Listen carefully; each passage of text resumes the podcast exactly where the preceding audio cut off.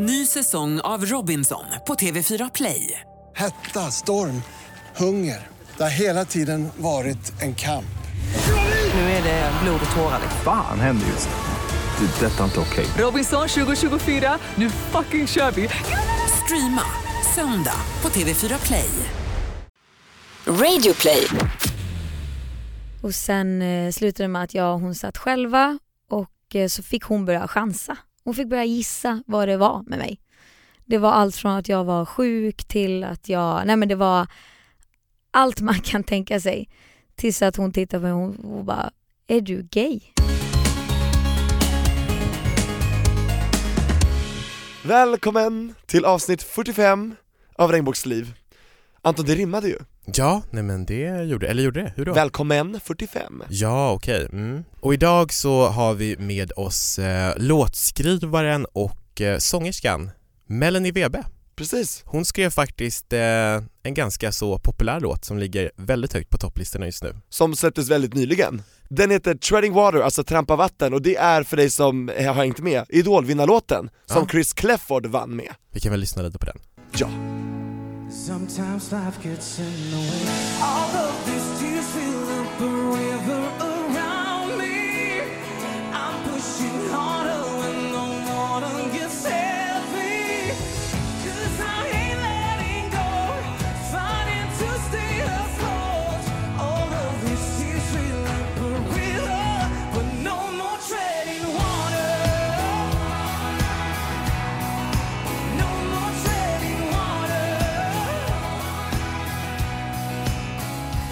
Treading Water, ey. Alltså bra jobbat Melanie. Verkligen. Och vi ska ju prata med Melanie idag om eh, bland annat hennes eh, musikkarriär men också fokus på hennes eh, privatliv och då mest fokus på hbtq-frågor. Ja, och hennes resa i, inom sig själv och berätta på djupet hur det var när hon växte upp med hennes kompisar, hennes familj. Jag ser väldigt mycket fram emot att få höra det. Ja, och Melanie är ju inte bara en poddgäst, hon är ju också en vän till dig och mig. Och eh, jag måste bara säga, jag älskar hennes nya frilla, det måste jag säga till henne också. Ja, Om jag kommer ihåg. Det är nice. Ja. Men innan vi tar in Melanie i studion, hur är läget med Tobias Torvid idag? Nej, men idag är det bra, jag tycker att det, det nalkas ju mot jul, vi har precis haft Lucia här och nu är det snart tredje advent, sen är det fjärde, så är det julafton och sen så är det nytt år och det går väldigt fort. Men jag måste också säga Anton, eh, att jag är så glad att vi fick vara med i videohjälpen. Ja, det var jätteroligt. Vi hade livepodd tillsammans med eh, youtubern Marcel Gerlander. Och poddkompis här i Regnbågsliv, han har varit med tidigare och gästat. Ja, det har han varit. Och videohjälpen är för dig som inte vet, eh, podd, eh, Youtube-nätverket United Screens insamling till Musikhjälpen varje år, som Idol samlar in pengar för att inget barn är till salu. Och vi samlade in nästan 300 000 kronor Anton, vi var med och hjälpte till. Mm, ja, 300 000. absolut, det var faktiskt riktigt coolt. Vet Så du hur mycket tack. det slutade på? Eh, ja, 300 000 nästan. 300 000, wow! Mm. Så att, tusen tack och heja heja alla som skänker, det är en väldigt fin sak och det kan vi stå bakom. Ja, det är väl självklart vi gör det. Och vad har hänt för, förutom det Anton för dig? Eh, jo, nu, eh, vad har hänt? Du Vad- är lite jetlagd. Ja, precis, jag har varit i Florida. Det har varit så jävla roligt och jävla mysigt och underbart. Jag har ju min familj där, som är Ace Wilder. Precis, men det är inte samma familj men Eh, det är inte samma familj, tyvärr. Men eh, det var så jävla roligt, så mysigt och härligt att hänga med mina underbara galna släktingar i amerikanska södern. Jag har ju, åker ju till Florida minst en gång per år och har gjort så sedan jag varit en liten bebis. Så och jag har hängt med en gång, Du har varit med en gång, vad tyckte du? underbart, och jag känner mig trygg för de är ju poliser. Ja, de är det. Så att det var väldigt tryggt att vara med dem. De kände alla och alla kände dem, så det var lugnt. Ja, precis. Men eh, ja, vad kul. Nej men så jag är jetlagd, jag är väldigt trött fortfarande och så, men jag är taggad såklart på att spela in ve- veckans avsnitt och eh, jag ska säga också till dig som lyssnar att de två nästkommande avsnitten eh, av Regnbågsliv kommer vara faktiskt specialavsnitt och eh, det kommer vara lite annorlunda, eller ganska mycket annorlunda upplägg än vad vi haft tidigare. Så Kom ihåg att lyssna nästa avsnitt som blir ett julavsnitt och sen veckan därpå som blir ett eh, nyårsavsnitt. Vi bjuder säkert på massa karameller, Ja. hoppas jag. Det hoppas jag också. Mm. Cliffhanger på den, bra Anton, det var teasat lite grann där. Eller hur? Men vi kör igång, vi ser att Melanie är här, vi... Hon eh, trampar vatten utanför studion. Nej, vad hemskt det Men hon lät. trampar på plats för hon är så taggad på att komma in. Välkommen in, Melanie Webe!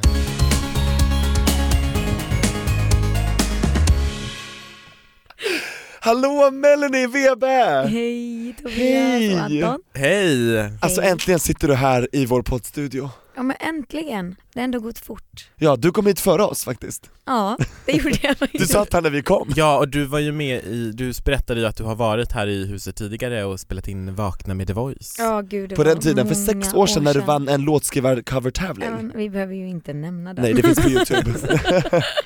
ja, men Melanie du är här för att du är en del av regnbågsfamiljen. Det är jag. och en del av våra liv sen ett tag tillbaka och eh, det känns jättegrymt att vi har nu kunnat få till det här avsnittet med dig tycker jag.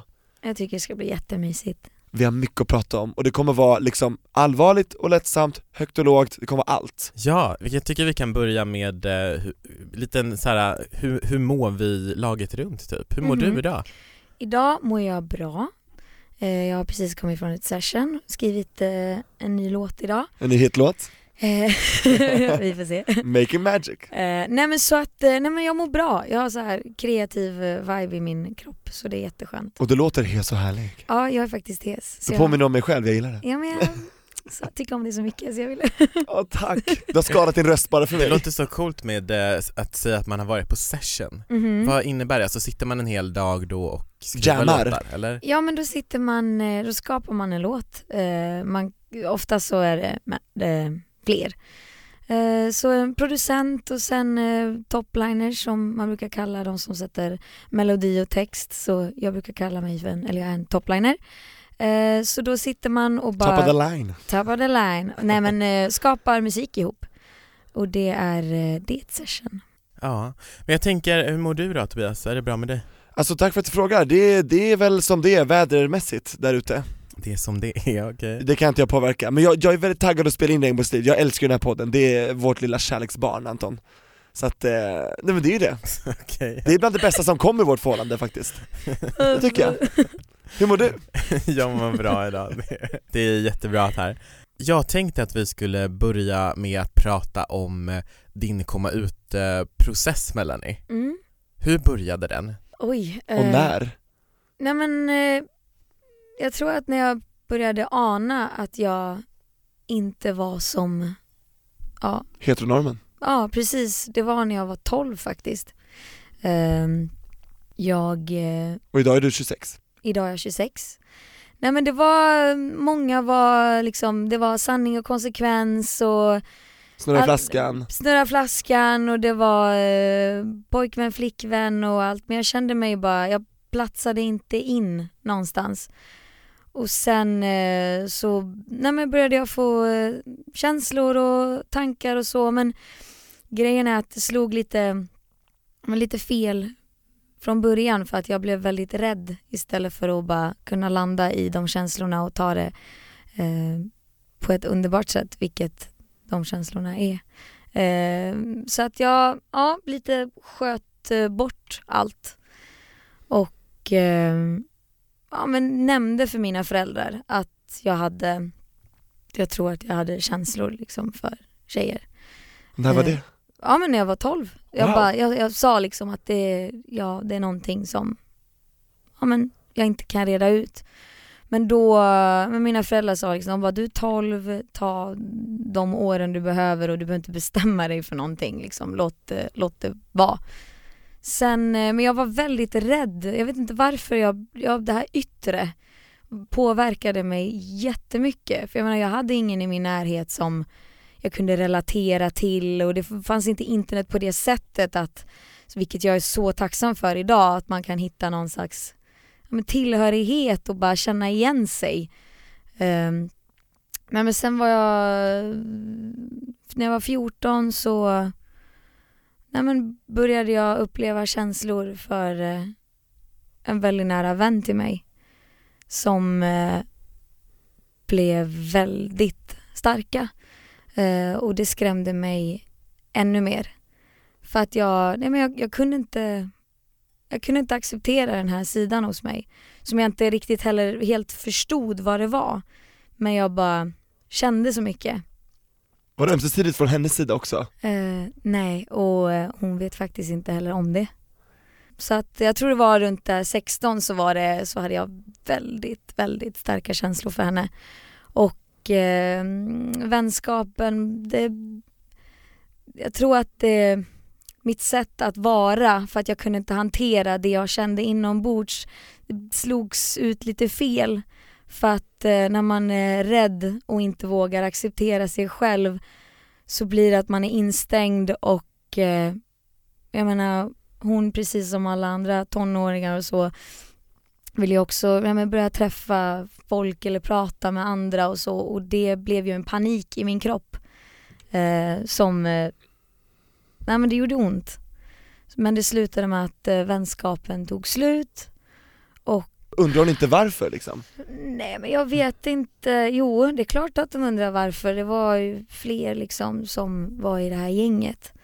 Och eh, det är klart jag tror att de undrar varför. Och jag förstod själv inte riktigt varför då. Det enda jag förstod var att jag hade jättesvårt att eh, inte vara vän med henne längre.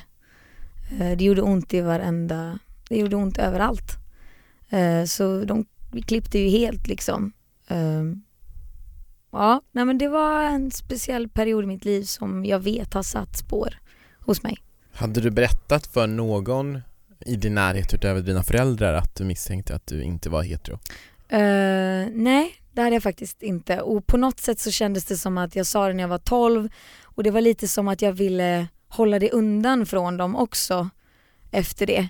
Eh, Kände du att de inte tog det seriöst? För att du, var, du är 12, det, där kom, det går över eller? Nej, men jag, kan inte, jag kan inte heller påstå att de inte tog det seriöst men jag vet inte hur de, nej, de tog det som de kunde ta det eh, där och då. Från när jag var 16 så bara kände jag efter att man slutade umgås och, och det gjorde ont överallt i kroppen av att inte ha henne i mitt liv längre. Så um, bara försökte jag stänga, jag alltså liksom trängde bort det ännu mer. Och bara nu kommer jag över det här jag känner som jag inte riktigt fattar eller vill acceptera och så bara lever jag vidare med mitt liv. Eh, Och det här var i, eh, västku, på västkusten? Nej, Västerås. Västerås Men det ja. låter väldigt nära. Eller hur? Västerås var det ja. Ja, Västerås. det var i Västerås. Men vad sa du till gänget, gänget och henne? Sa du så här, jag behöver vara själv nu? Nej. Eller hur exakt? Skre, skrev nej, du det? Sa blev, du det? Nej, det blev lite, lite infekterat. Det var en, Okej. eh, det är underbara människor så som jag tycker om jättemycket och vi har kontakt idag. Eh, men, men just där och då, den åldern och allt som hände så blev det lite infekterat så att det blev bara att eh, jag försvann liksom ur det här gänget. Vart tog du vägen sen? Sen så fångade några andra som jag brukar, det är mina änglar idag för att det är mina närmsta vänner som jag har. Eh, min soul family. De eh, fångade mig och vi har varit vänner i snart tio år. Ja, men jag var inte så att jag accepterade mig själv än. Alltså jag trängde ju bort det ja, men väldigt hårt så att den här delen av att um, hitta sig själv rent identitetsmässigt och så, den, den klippte jag bort.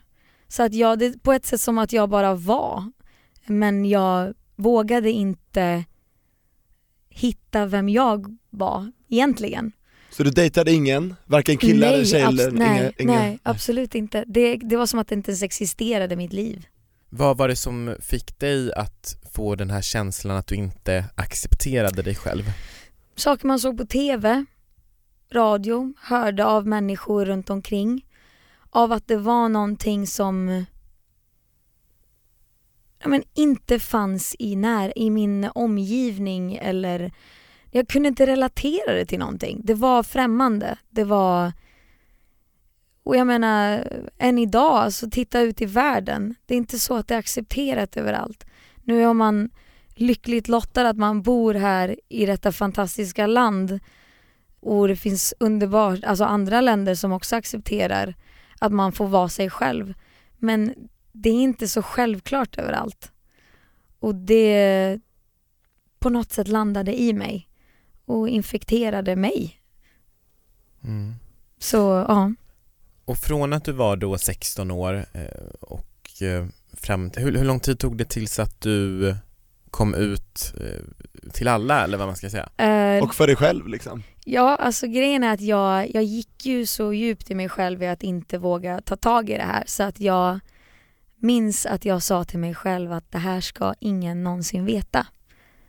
Ehm, men sen på något sätt så var det ändå en del av mig som försökte i smyg lite så här.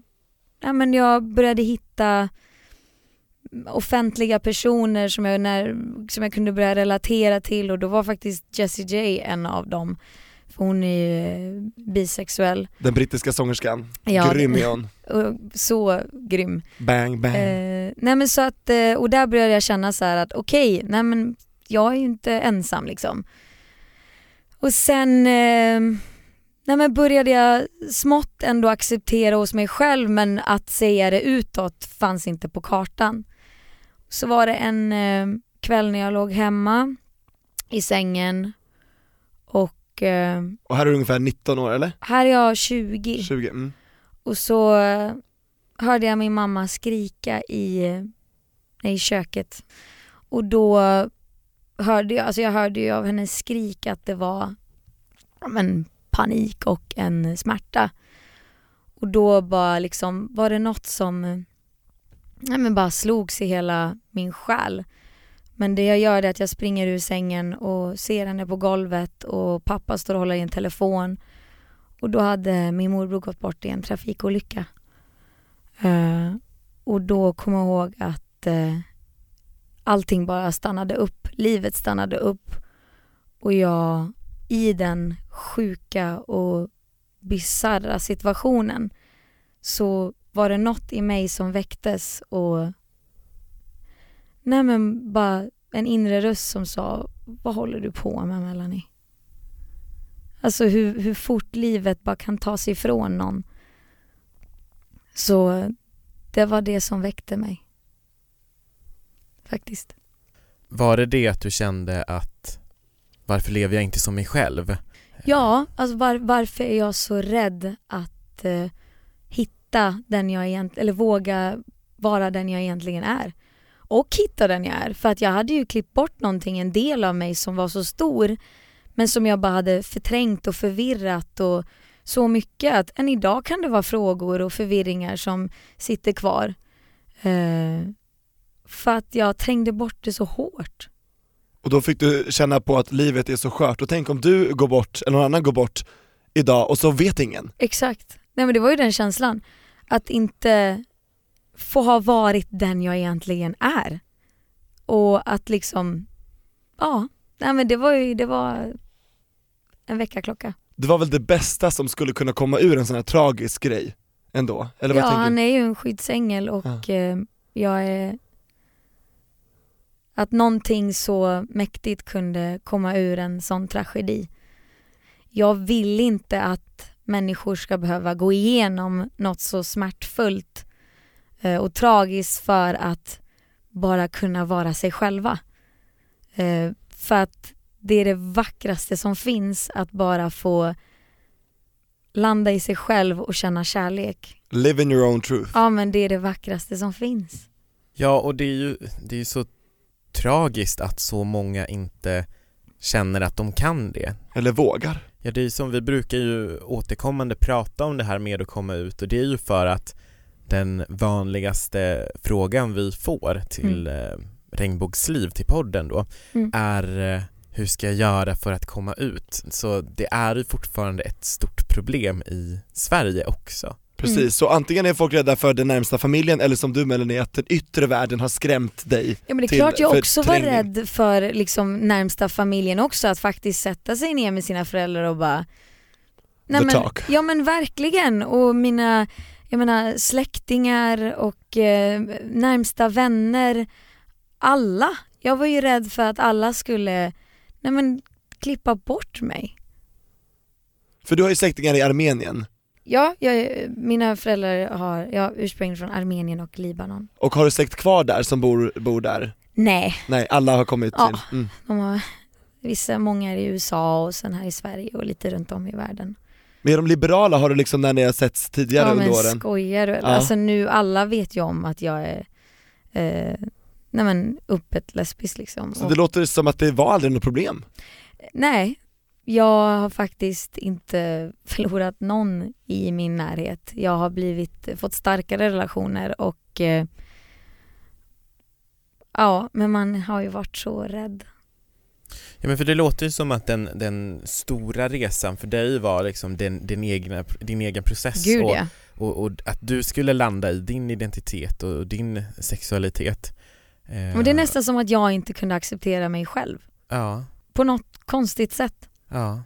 Men jag fattar, alltså, va- varför blir det så här? Är det, är det för att vi lever i, i ett så heteronormativt samhälle där het, heteronormen råder och där det ses som, som det normala och det andra är en avvikelse, att man inte vill vara en avvikelse så, eller vad, vad Ja, beror det Och framförallt på? för tio år sedan när du var 16 och när vi var 16 Mm. För det, det, här, det här var ju då, för tio år Mm. sedan, och då, då absolut, då var det dåligt representerat och som du sa, det man hörde på radio och tv, det pratades inte så mycket om det och när det pratades så kanske det inte pratades så bra om det som avvek från heteronormen. Mm. Kanske förlöjligades, det blev alltid så här skämt om det. Det var alltid så här ragadish typ Men det är det ju fortfarande, alltså Ja. det är inte, men det är ju fortfarande. Ja, Mm. mycket Mm. sånt. Mm. Jag är, du nämnde ju tidigare här att du är glad över att internet finns idag till Åh exempel gud. och jag känner också det, så här, att det tror jag har varit en så sjukt viktig sak för det till, till personer som inte har kunnat skapa sig ett community där de bor Mm. har ju internet möjliggjort att man kan hitta likasinnade eller eh, ja, men kolla på Youtube, kolla på Thomas Sekelius, kolla på Jeffree Star, kolla på, jag vet inte vem man nu vill göra. Alltså Ja. att man kan liksom hitta de här personerna och identifiera Och sig med. mobilisera sig och liksom samla och visa att man är stark, att man inte är ensam, det är ju det bästa. Alltså Verkligen. heja Men jag, digitaliseringen jag tänker också bara på alla pridefestivaler. Eh, som poppar upp överallt. Ja men herregud, alltså det är ju underbart. Mm. Så jag har ju giggat nu på en del pridefestivaler och bara så här, det är det, det är det bästa som finns, det är så mycket kärlek. Och jag hoppas att det dyker upp pride, alltså alla små orter, till, kom- alltså överallt. Ja vi kan aldrig få för många. Har du varit på eh, Västerås Pride, din hemstad? Ja, det har jag Hur var faktiskt. det? Eh, det var, nej men det var faktiskt när jag inte riktigt hade accepterat eh, mig själv. Eh, så jag lite så här, ja men checkade läget lite och tog Reka mig ner på lite, stan. ja. Och Gick du med, kollade du eller gick du i paraden? Du nej, jag, jag vågade faktiskt inte gå det året. Sen gick jag Stockholm Pride och har gått, herregud nu har man ju, nu är man... Nu är vi stammis. Ny säsong av Robinson på TV4 Play. Hetta, storm, hunger. Det har hela tiden varit en kamp. Nu är det blod och tårar. Fan händer just. Det. är Detta är inte okej. Robinson 2024, nu fucking kör vi! Streama söndag på TV4 Play. Ett poddtips från Podplay. I podden Något Kaiko garanterar östgötarna Brutti och jag, Davva, dig en stor dos skratt. Där följer jag pladask för köttätandet igen. Man är lite som en jävla vampyr. Man har fått lite blodsmak och då måste man ha mer. Udda spaningar, fängslande anekdoter och en och annan arg rant. Jag måste ha mitt kaffe på morgonen för annars är jag ingen trevlig människa. Då är du ingen trevlig människa, punkt. Något Kaiko, hör du på Podplay. Därför är gardinerna. Japp. Jag kommer ihåg att eh, när jag var, jag kommer inte ihåg vilken stad det var i, men det var Pride-festival, kan det vara Key West kanske? När jag var lite yngre Mm. och då Key West ligger alltså i Florida, USA för de som inte vet. Ja precis, förlåt, tack Tobias. Ja, inte, inte i södra Sverige. Ja. Key West är Ja men precis. Småland. Eh, jag tror att det var Key West där det var en Pride-festival och jag hade inte kommit ut, jag hade heller inte landat i det själv. Men det var någonting när jag såg den där paraden att jag bara där ska jag också gå någon gång i mitt liv. Alltså Mm. så här, bara, det som jag tycker är så fint med Pride, att man, man går och man visar, man, man är stolt och man visar och man är enade och även fast, Manifesterar. Ja, och även fast vi kan vara väldigt mycket mångfacetterade och stor mångfald i vårt community så, så under Pride så är vi ju, eh, vi, vi slåss ju för samma sak. Under samma flagg. Ja, ja men precis. När jag var i Kiruna, på Kiruna Pride där jag kommer ifrån, Mm. då, det tyckte jag var väldigt så här känslosamt eftersom att det var ju min hemstad, det är här jag Mm. hade växt upp, det var här det hade liksom varit jobbigt. Mm. Och nu är det en Pride-festival här. Va? Det hade jag aldrig kunnat tänka mig. Hur, hur kände du kring Västerås? Nej men jag kände bara glädje och äntligen, äntligen att eh, Västerås vågar och vill och står upp för någonting som är helt rätt. eh, nej men det är jättekul och mer pride. Ja, och det roliga är att min pappa och, kommer från Västerås, min farmor bor kvar där Det har inte du sagt. jag, har inte, jag, är, jag är hälften västeråsare, Va? är inte det lite kul? Så jag känner också Jo. lite såhär, jag blir lite stolt, jag bara you Kan du go inte prata det- Västerås? Nej vi får ringa min jag kan inte farmor ens prata det längre. Nej du, jag... du låter mer Trollhättan Nej men liksom. jag, jag, gud, jag... Men det är jättegnälligt, det är en del av gnällbältet Jag tycker det är jätte... Tobias, säger jag, man. tyck, ja, men jag tycker det är mysigt Tobias mm. Ja Anton skrattar, ursäkta hur låter du då i Kiruna? Jag älskar dialekter ja. Ja men från Pride-festivaler då tillbaka till dig Melanie och din komma ut-process. Mm. Eh, Du nämnde ju tidigare att eh, det var jobbigt att liksom landa i din egen identitet men att det hände ju någonting där när din morbror gick bort. Ja. Eh, Kan du ta oss genom resan efter det? Tiden efter det var ju tragisk för att familjen hamnade i en slags ett mörker. Det är ju hemskt när någon försvinner och särskilt när det är en trafikolycka liksom. Men eh, och i samma veva så började jag började vakna liksom. Många sidor inom mig började vakna. Och sen eh, så började jag ja, men, träffa en person och eh, började våga känna. Var det en tjej då? Ja, det var det. Eh, men det var som att jag lite öppnade Pandoras ask. Eh, nej men det var som att eh, allt som jag hade förträngt och känt bara välde över mig. Så att jag hamnade faktiskt i en svacka.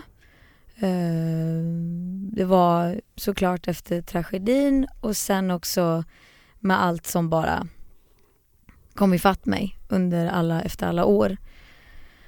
Så då eh, behövde jag hjälp och gick och, och tog den hjälpen och gick och pratade mycket.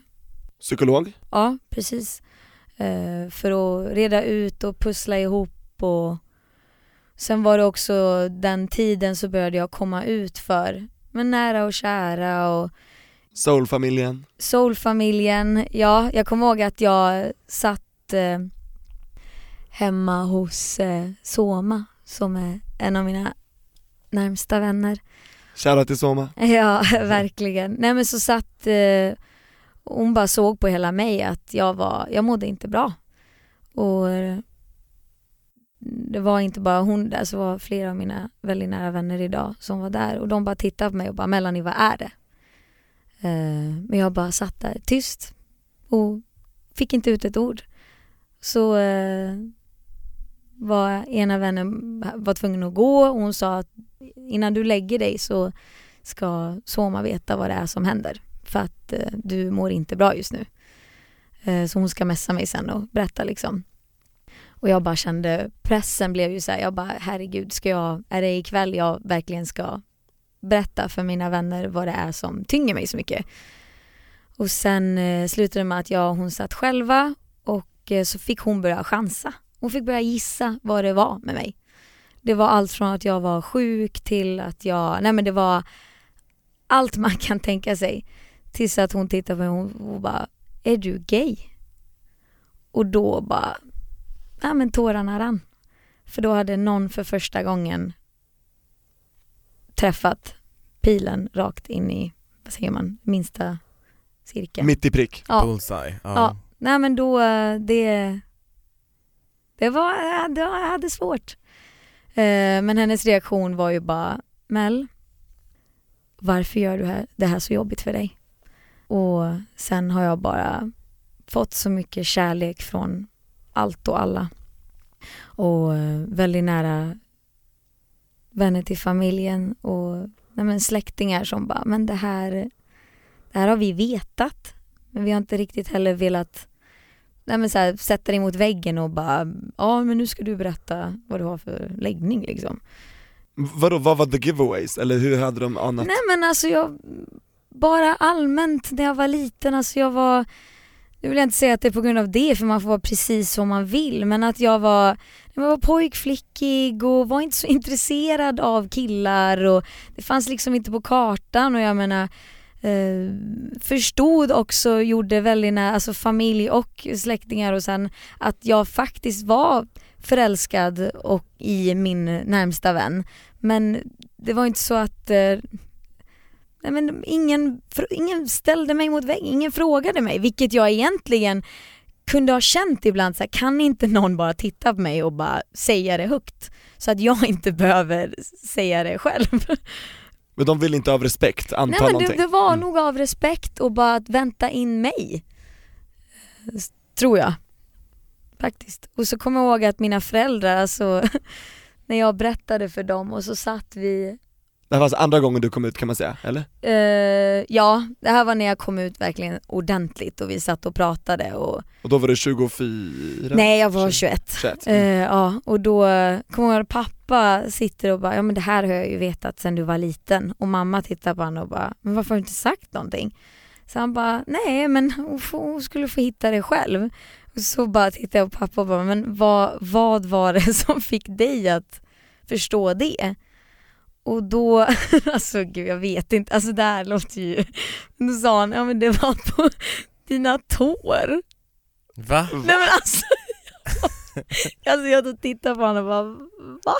Alla bara kollar på pappa och bara vad, vad säger du? Han bara nej men jag läste eh, någon vetenskaplig artikel om att typ någon, någon tå ska vara längre än den andra och jag bara alltså Det där låter ju inte Nej, men alltså- Det där har vi aldrig Nej. hört förut faktiskt. Nej alltså min pappa är ju Wikipedia och alla, han är, han är den smartaste jag vet men det där var typ det sötaste jag har hört. Du Men... får kolla källorna på den artikeln. Ja, jag måste faktiskt ta det med Ja. honom. Nej men det var bara så gulligt, alltså det var bara all kärlek de gav och att bara kunna andas och landa i att förstå att eh, man faktiskt är helt jävla normal. Eh, och förstå det och förstå det själv. Det var skönt.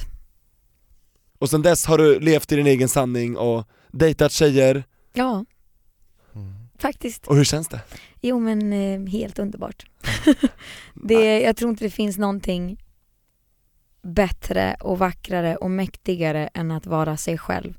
Och våga vara sig själv, våga känna, våga älska och bli älskad. Har du någon gång varit med om ett tillfälle under de här senaste åren när du verkligen har levt eh, som dig själv, Mm. Melanie, att du har varit otrygg på grund av den du är och den du älskar i någon situation överhuvudtaget? Otr- alltså, ja, jag menar jag har ju varit i Dubai. Eh, det var i, ska vi se, förra, december förra året. Och då kunde jag säga, då kunde, man, då kunde jag känna eh, att eh, jag inte kunde vara mig själv. Var det blickar? Ja men blickar och bara information man hade fått höra om hur man blir bemött eh, som icke-hetero i där. Förenade Arabemiraten Ja. Mm. Ehm, så att, eh, nej men det kunde jag känna. Jag bara här hemma när man har hållit hand i hand med sin partner och liksom bara, nej men känt blickar och att man inte riktigt helt eh, kan slappna av. Men man lär sig att koppla bort det också. För det är ju, starkare man blir i sig själv så lär man sig att don't give a fuck. Så du fortsätter hålla kvar handen, du släpper inte handen även om du kollar utan du Men bara Självklart, alltså jag, varför ska jag släppa handen? Exakt. Det finns ingen anledning. Mm. håll kvar handen Vad skulle du ge för tips till eh, den person som eh, känner att eh, han, hon eller hen inte vågar vara sig själv? Inte vara rädd. Nej men rädslorna åt upp mig. Men det är inte så, det är väldigt lätt att säga var inte rädd. För man vill ju känna sig accepterad och älskad. Men lite känna av omgivningen och man måste bli stark i sig själv. Att kunna landa i att mitt mående är det viktigaste i världen och mitt liv är det viktigaste i världen. Och är det någon som inte accepterar mig så har den ingenting i mitt liv att göra. Vad skulle du, om du skulle ge ett råd till dig själv som 16-åring, Mm. vad skulle du säga då? Exakt de orden. Att bli stark i mig själv Mm. och att jag är perfekt precis som jag är och det finns ingenting fel i att känna kärlek. Mm. För kärlek är det vackraste som finns. Och det är det som förenar oss, för alla på jorden känner kärlek Oavsett till vem, För det skiljer sig ju, men det, känslan är densamma. Ja men det är det mäktigaste som finns, det är livet. Exakt. Mm. Så för mig så förstår jag inte varför det ska finnas homofobi eller fobi på, på något sätt, när vi alla känner samma sak. Exakt. Eller hur? Ja, jättemycket kloka saker som har sagts idag tycker jag. Tack Melanie för att du Nej men tack att jag fick vara med. Självklart, jag är Ja. jätteglad att du har varit här jag tänker vi, vi ska börja runda av men innan vi gör det så tänkte jag att vi ska kolla med dig vem du tycker vi ska bjuda in till Regnbågsliv som gäst. Jag tycker faktiskt att ni ska bjuda in Patrik Sean Ja! som är en av mina närmsta vänner och eh, arbetskollega. Och jag vet att han kommer kunna bidra med mycket gott till den här podcasten. Kan du ge en tease? Eh, För han är också musiker, han är musiker, artist, släpper musik i vår. tillsammans med dig. Ja alltså vi eh, har ju skrivit eh, Idolvinnarlåten ihop. Eh, Just det! ja så det är... Den är ju superaktuell nu. Ja, Hallå, hur kändes det när, du fick, när ni fick reda på det? Det här är ju så fett. alltså det, det känns eh, jättekul. Och den heter ju för de som inte har hört, Treading water. Treading Water. Finns ute överallt just nu. Ja, Fan vad coolt att skriva låtar som typ blir så här stora och grejer. Och tävlar i mello, det har du gjort flera gånger också ju. Jag tappar min Ja, mobil. Alltså- skriver låtar liksom flera gånger och, och Anton tappar allt, han blir så imponerad här. Men du, du har ju tävlat i mello för de som inte vet också. Ja, jag hade en låt med 2014 och sen så har jag jobbat bakom kulisserna och körat till lite bidrag. Så det tycker jag också är jättekul att få backa upp andra och backa upp andra, backa upp sig själv och skapa musik. Sweet. Och det blir mer av det i framtiden. Absolut, Och det vore kul att se dig också mer. det Så- lovar jag. Ja, för Nästa solo, år. inte där bak utan också där fram. Nästa år.